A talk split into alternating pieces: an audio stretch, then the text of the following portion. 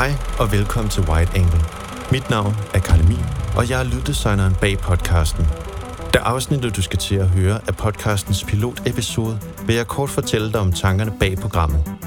White Angle er et forsøg på at samle den nye generation af danske foto- og videografer. Vores mål med podcasten er at se på branchen i et bredere perspektiv end kun de traditionelle medier, ved at tale om alt fra Hitchcock til Neistat og fra Kodak til iPhone.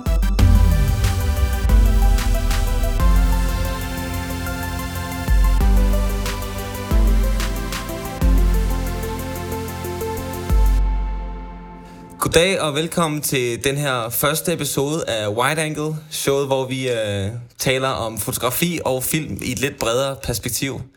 Vi har to gæster i studiet, og vi skal i dag øh, tale lidt om øh, emnet YouTube versus cinema. Og grunden til, at øh, vi taler på engelsk i dag, det er, fordi vi har Christian i studiet, som er svensker. Overfor Christian har vi øh, Sebastian, a.k.a. Jepsep. Øh, og det, som I måske allerede kan gætte nu, så har vi vores YouTuber på den ene side i den hvide stol, og på den anden side har vi vores cinematograf, vores uh, director of photography, Christian i den sorte stol. Så uh, lad os skifte over til engelsk, så Christian han kan følge med. So Christian, Yes, you're the cinematographer today, I am. and you are here to argue the point of cinema, and Sebastian, you're here to argue the point of YouTube. apparently. All right. So let's start by a quick introduction. Let's start by you, Christian. Yes. Uh, well, my name is Christian. Uh, I'm a freelance director of photography uh, and filmmaker. I just moved to Copenhagen from Sweden.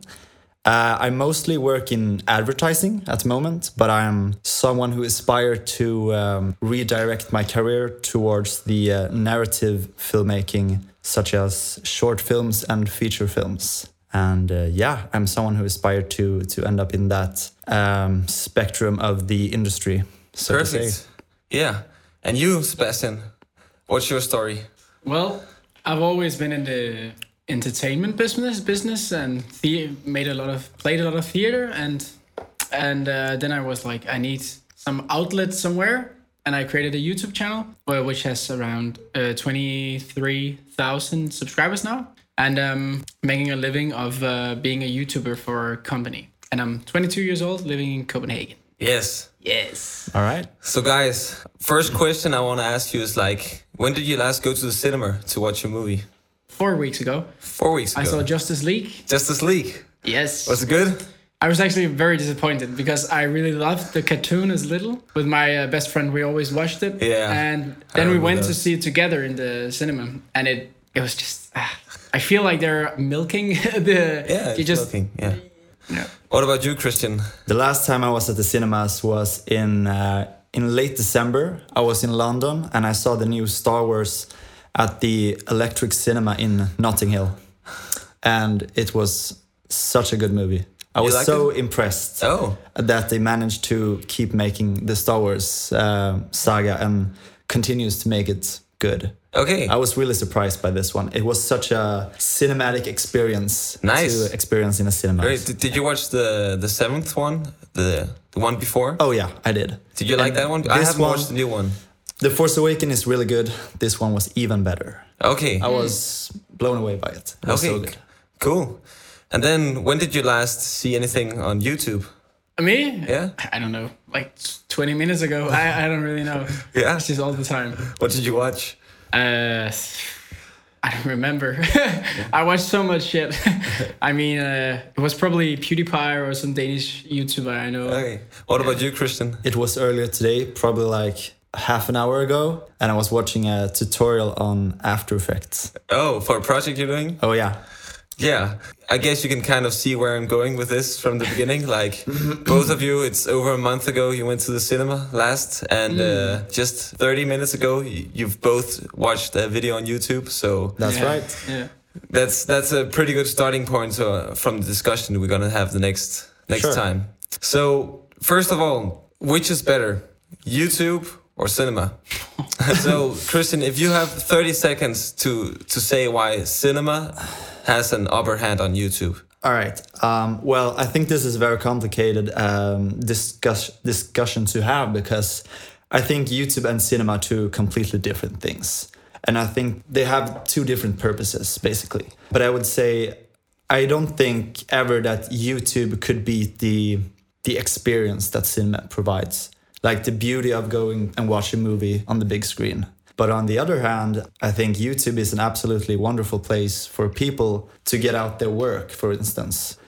Getting your work into a movie theater requires a whole lot of things that the average guy doesn't have access to. But um, for me, as a director or photographer, showing like experience films in a cinema is way more like it's a completely another thing than seeing it on a phone, basically. Yeah. So for me, it's all about the experience.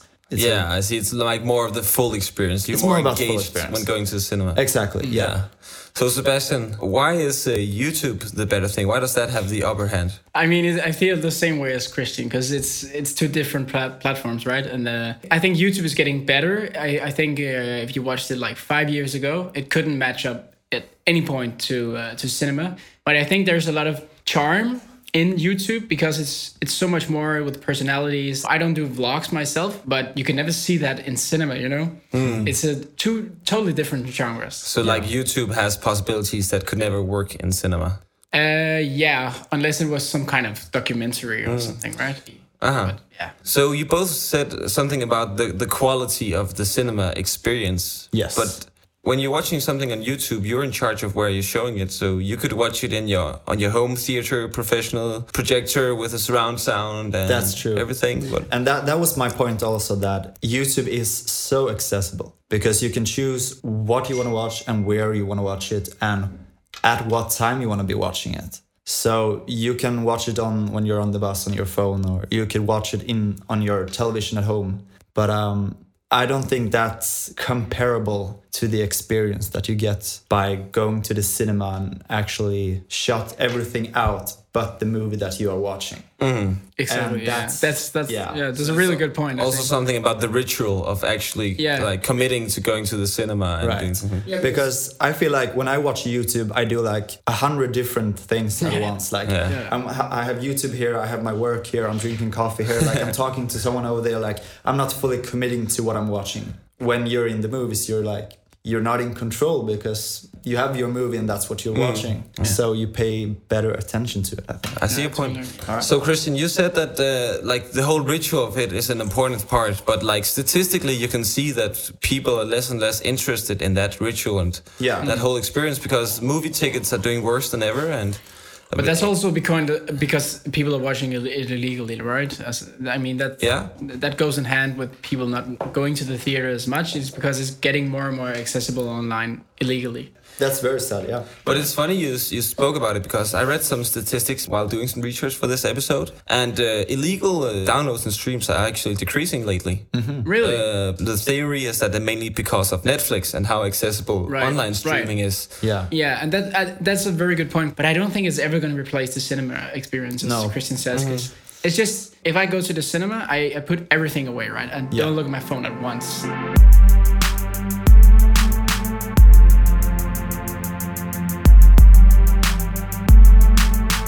Now I want to move deeper into like the experience because uh, on YouTube there's the comment section. Yeah. Which is naturally not something you really have in cinema. You have, of course, reviewers and you have newspapers. Yeah. But on YouTube, it's then like a natural part of the uh, the whole culture.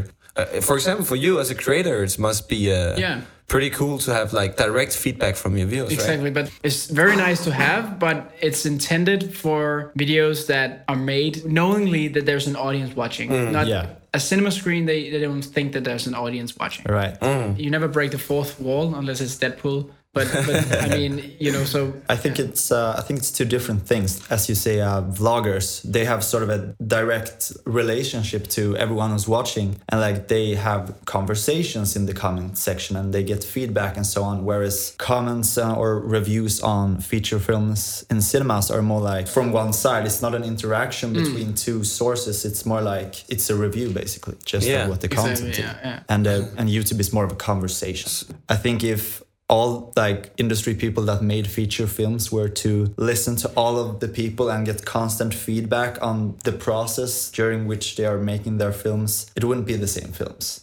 And I think their vision would be sort of uh, messed up in a way. yeah. Um, so I don't think you could apply that conversation that's on YouTube to the cinema world in but, any way. But aren't filmmakers already exposed to that just from their like their work environment? I get like I guess the director he's I constantly guess it working works with the a same lot of thing. people. Yeah, yeah. You could compare it to like the feedback that goes on set. So Yeah. that's pretty much the same. But thing. that's what, those are people working in the filmmaking business that yeah, gives them yeah, feedback, that's, right? That's a good point. Yeah. And I get feedback from 10 to 15 year olds, right? But, but maybe maybe is that maybe better to get feedback from your audience so you mean like instead of get like the honest opinion from yeah the instead of like someone Yeah.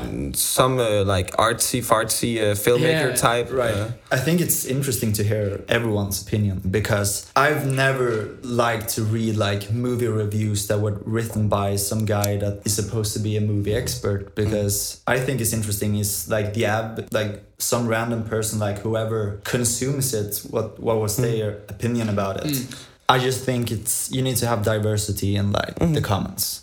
I think that's much more interesting.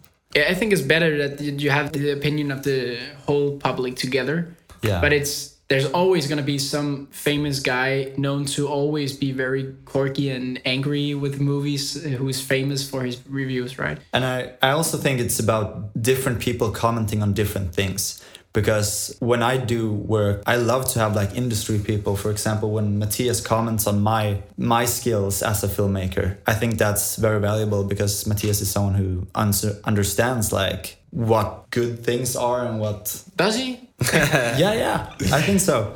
Um, but also like seeing it from an outsider's kind of perspective, someone that doesn't know a lot about editing or color grading or whatever. Like, They're the end receiver. yeah, I guess. exactly. And hearing what they have to say is oftentimes very interesting as well. So this is like a podcast for mainly for filmmakers, young filmmakers wanting to get more into the industry and both on the YouTube side and on the traditional side. Flip side. So I want to talk a bit more about the creation process on the two different mediums because they are like fundamentally very different also in how the content is created for both the sides, Yeah. both in terms of politics and budgeting and the whole process behind it.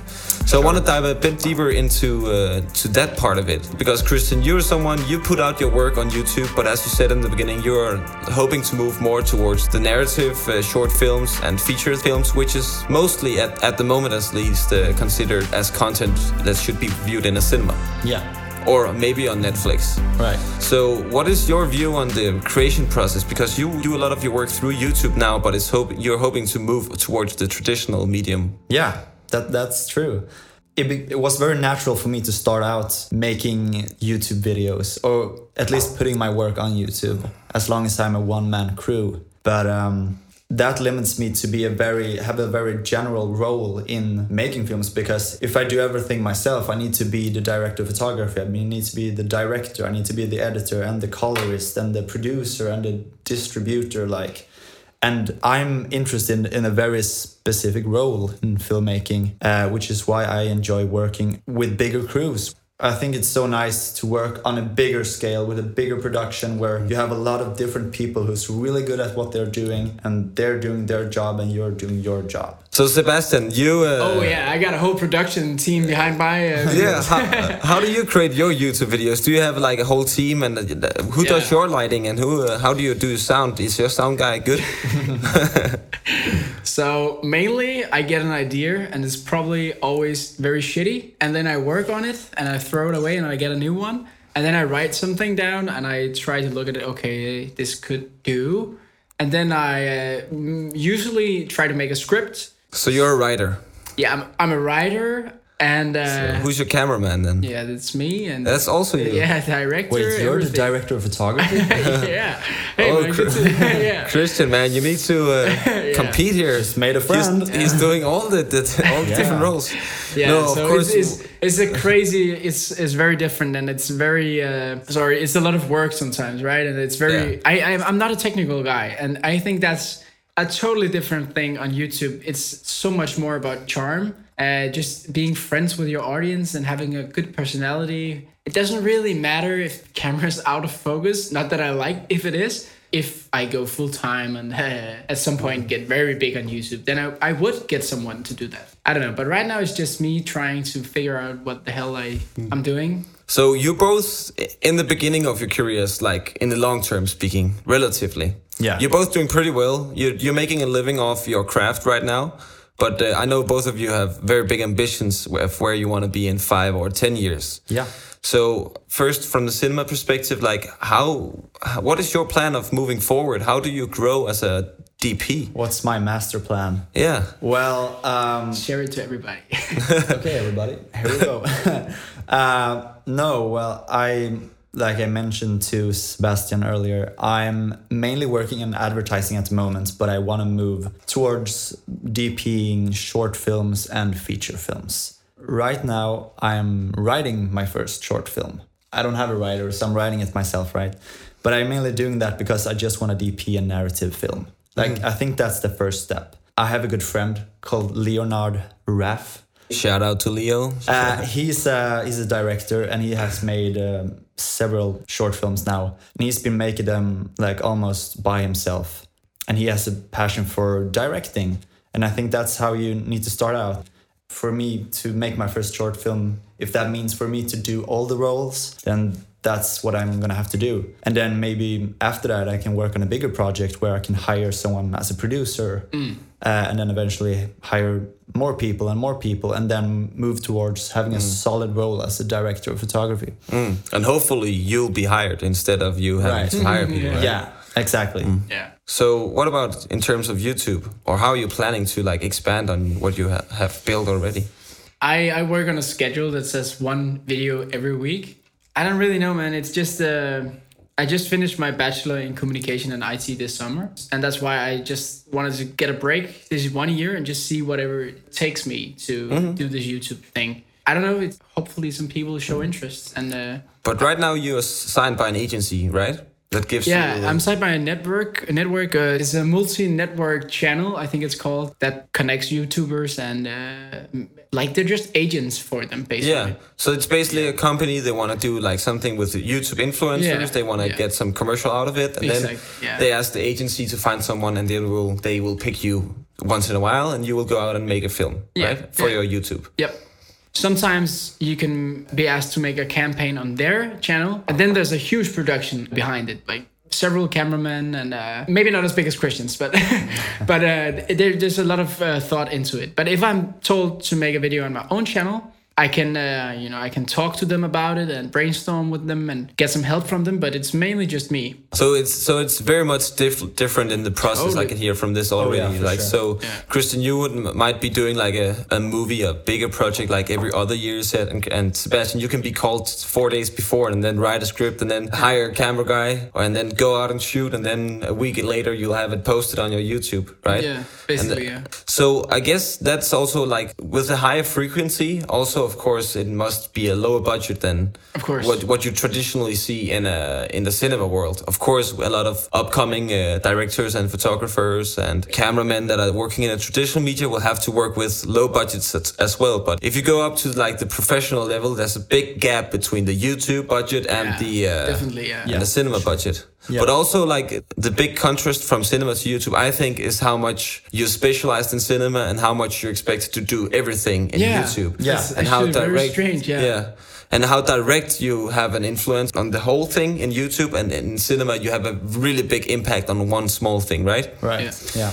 Right now, I want to show you a clip uh, from a very famous YouTuber, a for, former guy who worked in cinema. Uh, I guess you both know him really well. His name is Casey Neistat. He's the la- latest few years. He's been one of the biggest guys on YouTube. Who is he, sir? I don't know. So I want to show you this little clip. Uh, I took one of his videos and I cut it down a bit. And of course, like rest of you will only have the sound. When I was a kid, I wanted to be a filmmaker. To me, there was no higher artistic achievement than that. And the Oscars, the Oscars were my Super Bowl. I wanted to work with the best actors. I wanted to read the best scripts, the crane locations. I wanted all of. That's what I thought it meant to tell stories. See, if you want to be a writer, all you need is a stack of paper and a pencil. If you want to be a painter, you need a brush and a canvas. You can be the next Picasso. But when I was a teenager, when my filmmaking fantasies were at their peak, you wanted to be a filmmaker, you needed resources, education, you go to that knowing the right people, you have the right what you know, you had to get a film festival. In order to make movies, you needed all those things. All those things I didn't have. Filmmaking was this exclusive club. I spent 10 years chasing it down. I said yes to every opportunity that involved picking up a camera. And then I was on an airplane. And I realized this isn't it. This isn't, it wasn't the red carpets, it wasn't the film festivals, it wasn't the awards, it wasn't the award shows. None of that shit. The more time I spent chasing down the facade of success, the less creating I was actually doing. In fact, it was after winning the biggest award of my career that I just said, fuck it.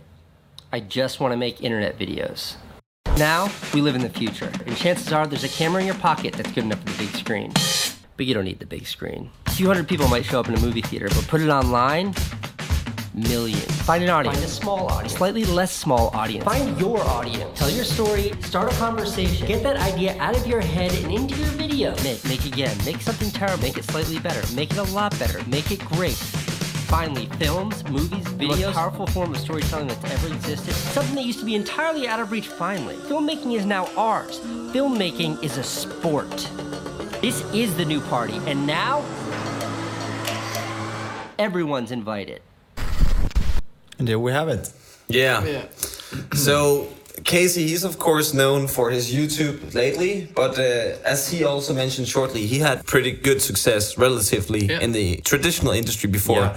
And he's in the latest years become like a huge advocate of YouTube. And he's talking a lot about the whole thing about just being able to tell the story. And that's what he thinks YouTube is enabling a lot more people to do than cinema and traditional uh, workflow of the cinema is doing. So before we like jump more further into it, what what are your thoughts on like his words and his comments? First of all, I love the editing. I, I mean, it's just me because it's so fast and it's the way he, yeah, I, I really like that movie. But the point where he says that uh, he talks about how, how little people will see your video if you put it in cinema and how accessible it is for everyone online. It's like he pushes cinema aside at some point and then he talks about how awesome YouTube is it seems like he says grab a camera and just say yes to everything. And i agree with that. Just jump on if you want to be a filmmaker if you want to be a youtuber you just do that. Just go and film whatever your story is right?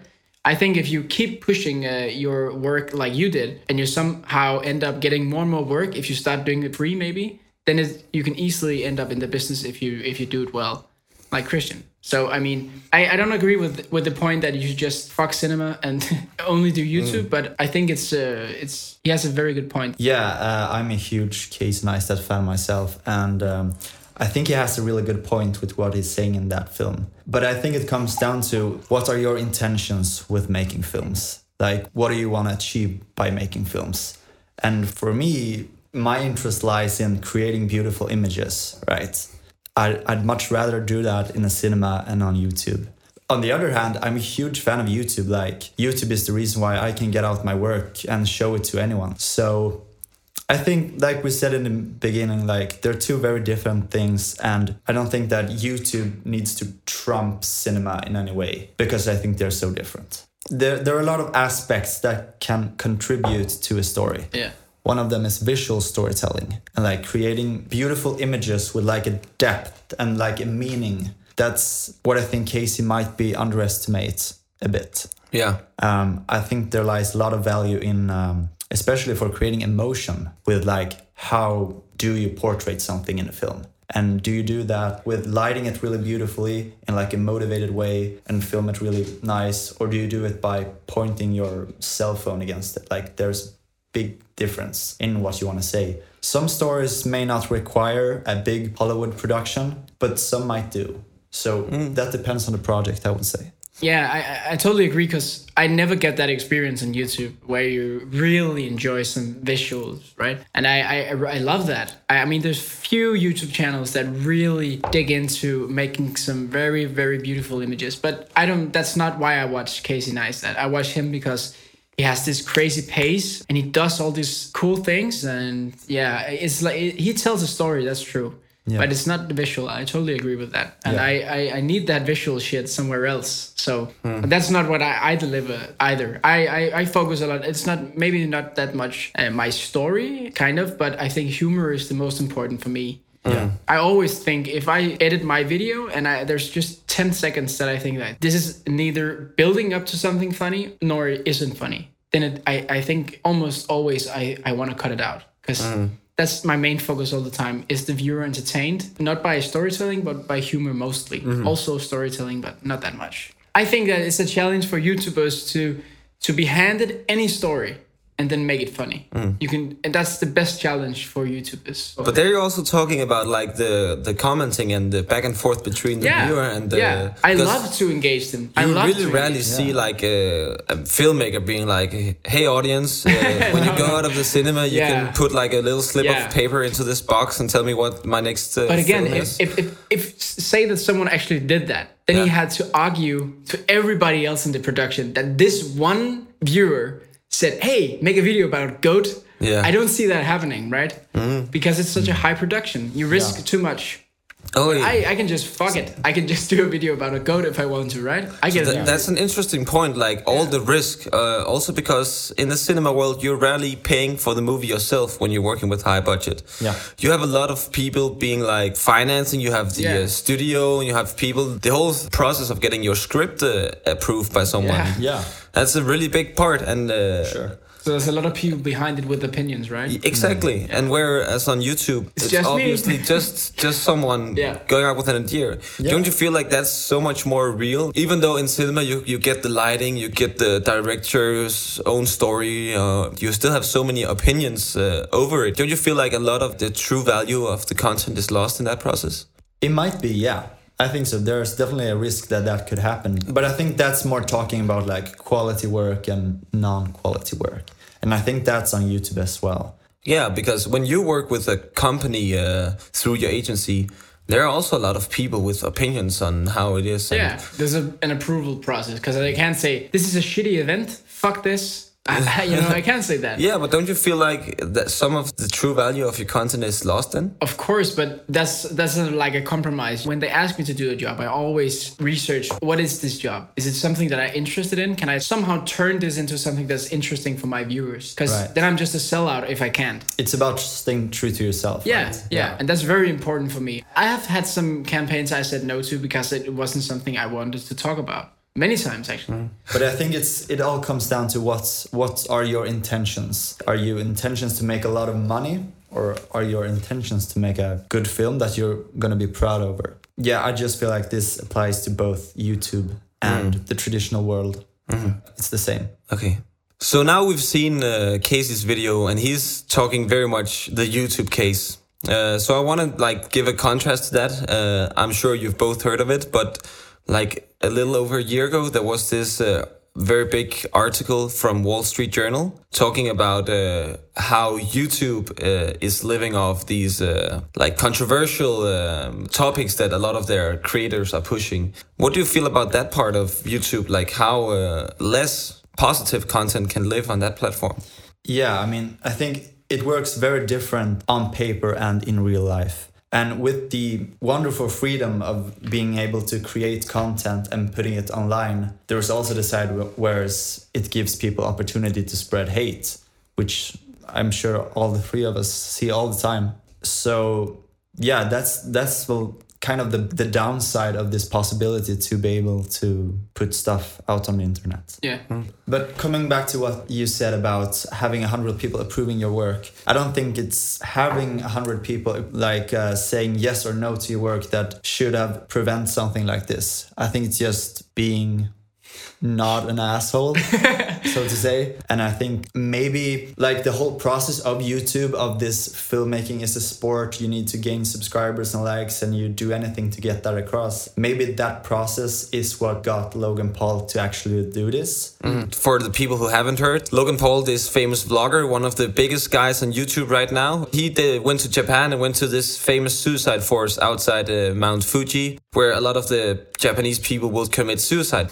And he he found a dead guy in this forest and filmed him, blurred out his face, but he was in the video. He was showing his dead body. Imagine how many clips he didn't put in. That's the thing. I'm really so maybe afraid it, of. it's better to have like a hundred people approving your work before. Yeah, yeah. So then this something like this wouldn't happen in Yeah. the cinema process. at the end of the day, I, I feel like like it's um it's up to you to be a responsible and good Definitely, yeah. human being. But uh, just as a finishing note on this topic, so I want to talk about where the future is in these platforms because YouTube is obviously growing. It's getting bigger and bigger. Uh, more and more people watching, more and more people uh, uploading. And the opposite, you can say, with cinema. Every year, the box office is making less and less. And uh, lately, the last year, one of the most renowned movies it was Blade Runner 2049. It had a 150 million dollar budget, and in the American box office, it only made 90 million dollars. So that's uh, 60 million less. And then in the international box office, it made 167, putting the total revenue to 259 million. So that's 100 million over the budget they spent. The, the general uh, uh, idea about this movie, or the professionals' opinion, was that it had to make at least 400 million to be like a commercial success. So one of the movies that were taken most positively from the reviewers and the general population watching it haven't even made the money it was supposed to. So that's the state we're talking about. Yeah. And at the same time, you have Netflix bigger than ever. They just had a record-breaking quarter with like 11 and a half billion dollars of revenue and like more subscribers than ever. I think it's 117 million. What do you think about these numbers? Is it going to be relevant in the future, cinema? I, I don't see cinema dying out anytime soon. Although these numbers look pretty bad, and I didn't know that. But um, at least I think the content that is displayed on cinema, like feature films and short films, I don't I don't see that type of content being wiped out and being overtaken by YouTube. I think there's a place for both of them. I, I hope so too. I would be very sad if the cinema just died out. I'm a huge movie enthusiast and I rate every movie I watch. And I think there's gonna be a new way to watch cinema movies online as well. And that's gonna finance it more. So it hopefully will rise hmm. again. If it's not about the finance, how are they going to save the save the medium then? Well, I, I think for the avid person that consumes films, that threats cinema. But for all the movie enthusiasts, they will of course continue to go to the movies. But then there is also like the question of like, is that enough for keeping the cinemas hmm. open? And the answer is probably not. Because- I, I do have some concerns about the cinemas, but I have absolutely no concerns about like the content that is being Yeah. displayed in cinemas. Mm. I think maybe Yeah. that content will live online. Cinema will be something that's very like it exists in the big cities and there are very few ones to go to and it's a mm. very like special thing. And maybe Just costs like shooting on film. or- So yeah, you also see YouTube moving more and more into the quality content. You have also YouTube festivals now. You have Yeah. award shows for the and rewarding the good creators, not just the ones with the most views. Uh, YouTube is constantly evolving, and the whole scene is growing. So maybe there's a hope that YouTube will not be the VHS of the future as a completely dead format, but maybe There's- it will be the vinyl records or Yeah. the Yeah. film photography that's kind of having a renaissance right now, right? Yeah. So maybe that's the uh, that's the quote we should end on. Uh, Netflix and today's, chill. uh, Netflix and chill. yeah. no, like for the last question, I want to go back to the to the first question, and I want to hear both of your answers again. Like, Sure. which is better? Is it YouTube or is it cinema? That's an impossible question to answer. I still feel the same way. Yeah. I, I see- I yeah. think I fear for the cinema, and I think uh, there will be somehow a new way of watching cinema movies. Not that they will be, there will always be cinema quality, Yeah. maybe just online, but it's two different things. Yeah. Yeah, I totally agree. Two very different things, and um, I think the content of both YouTube and feature films will live on. Og så her kan, til sidst kan jeg sige uh, tak, fordi I lyttede med til vores uh, første episode. Man kan godt kalde det piloten, men uh, vi er, har laver en uh, Facebook-gruppe, uh, som hedder Wide Angle uh, Discussion, som, uh, som I kan gå ind i og selv putte jeres input i, om hvad I synes. Er det biografen, der er fremtiden, eller er det YouTube? Og så lad os uh, prøve at få en uh, diskussion i gang der. Der kan I også følge med og uh, se næste gang, vi laver en episode i uh, Wide Angle. Så uh, jeg håber, I uh, har kunne lide at se med her i aften eller hvornår I nu end har hørt det. Og så thanks to both of you, Thank you. Thank you. and uh, thank you for your nice opinions.